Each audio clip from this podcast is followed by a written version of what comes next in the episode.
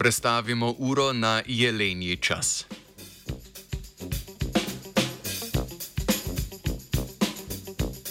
Skupina več raziskovalk in raziskovalcev z Univerze v Washingtonu je v znanstveni reviji Current Biology objavila članek o vplivu spremembe ure na porast prometnih nesreč, v katerih je udeležena divjad.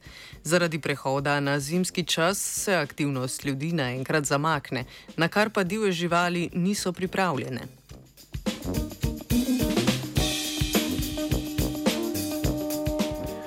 Prometne nesreče so poglavitni vzrok smrti za mnogo vrst divjih živali. Samo v Združenih državah Amerike se letno zgodi več kot 2,1 milijon prometnih nesreč z jeleni, pri katerih se poškoduje skoraj 60 tisoč ljudi, 440 pa se jih konča smrtnim izidom ljudi. Take nesreče predstavljajo skoraj 6,5 odstotka vseh prometnih nesreč, njihova ekonomska škoda pa je ocenjena na 10 milijard dolarjev letno. Z uporabo statističnih linearnih mešanih modelov je raziskovalna skupina analizirala več kot milijon prometnih nesreč, v katerih je bila udeležena jelenjad. V modele so vključili tudi podatke o frekvenci prometa na istih območjih iz 23 zvezdnih držav od leta 1994 do 2021. Ugotovili so, da se okrog 10 odstotkov prometnih nesreč z jeleni zgodi ravno v dveh tednih po prehodu na zimski čas.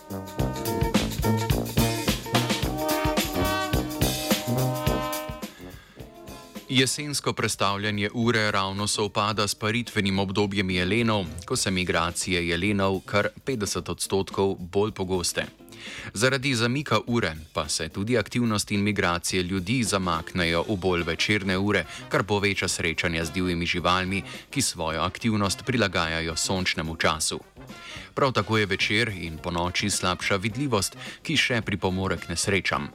V bolj severnih predeljih so te nesreče skoraj dvakrat bolj pogoste, saj je dan tam krajši, vidljivost ob prometnih konicah pa slabša. Podobno velja za območja na vzhodnih predeljih časovnih pasov v primerjavi z zahodnimi.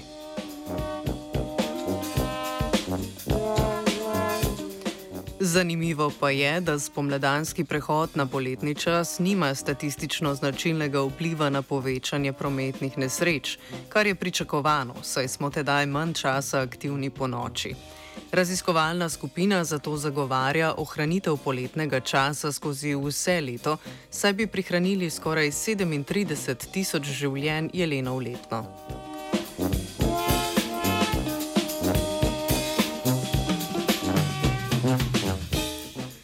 Ne glede na to, da se 86 odstotkov evropejcev in 71 odstotkov američanov strinja z ukinitvijo predstavljanja ure, pa smo si neenotni glede tega, na katerem času bi ostali.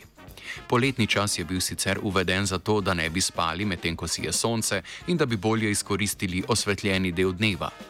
Medicinska stroka po ukinitvi zimskega časa nasprotuje, oziroma pa ukinitvi zimskega časa nasprotuje, saj naj bi ta znižal pojavnosti nespečnosti, depresije, socialnega jetlaga, pri katerem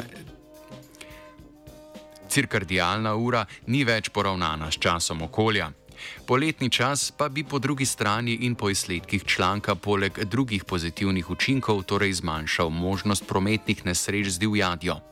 Na koncu, oziroma na končno odločitev glede ukinitve predstavljanja ure, pa bomo vsaj evropejci morali počakati še kar nekaj let.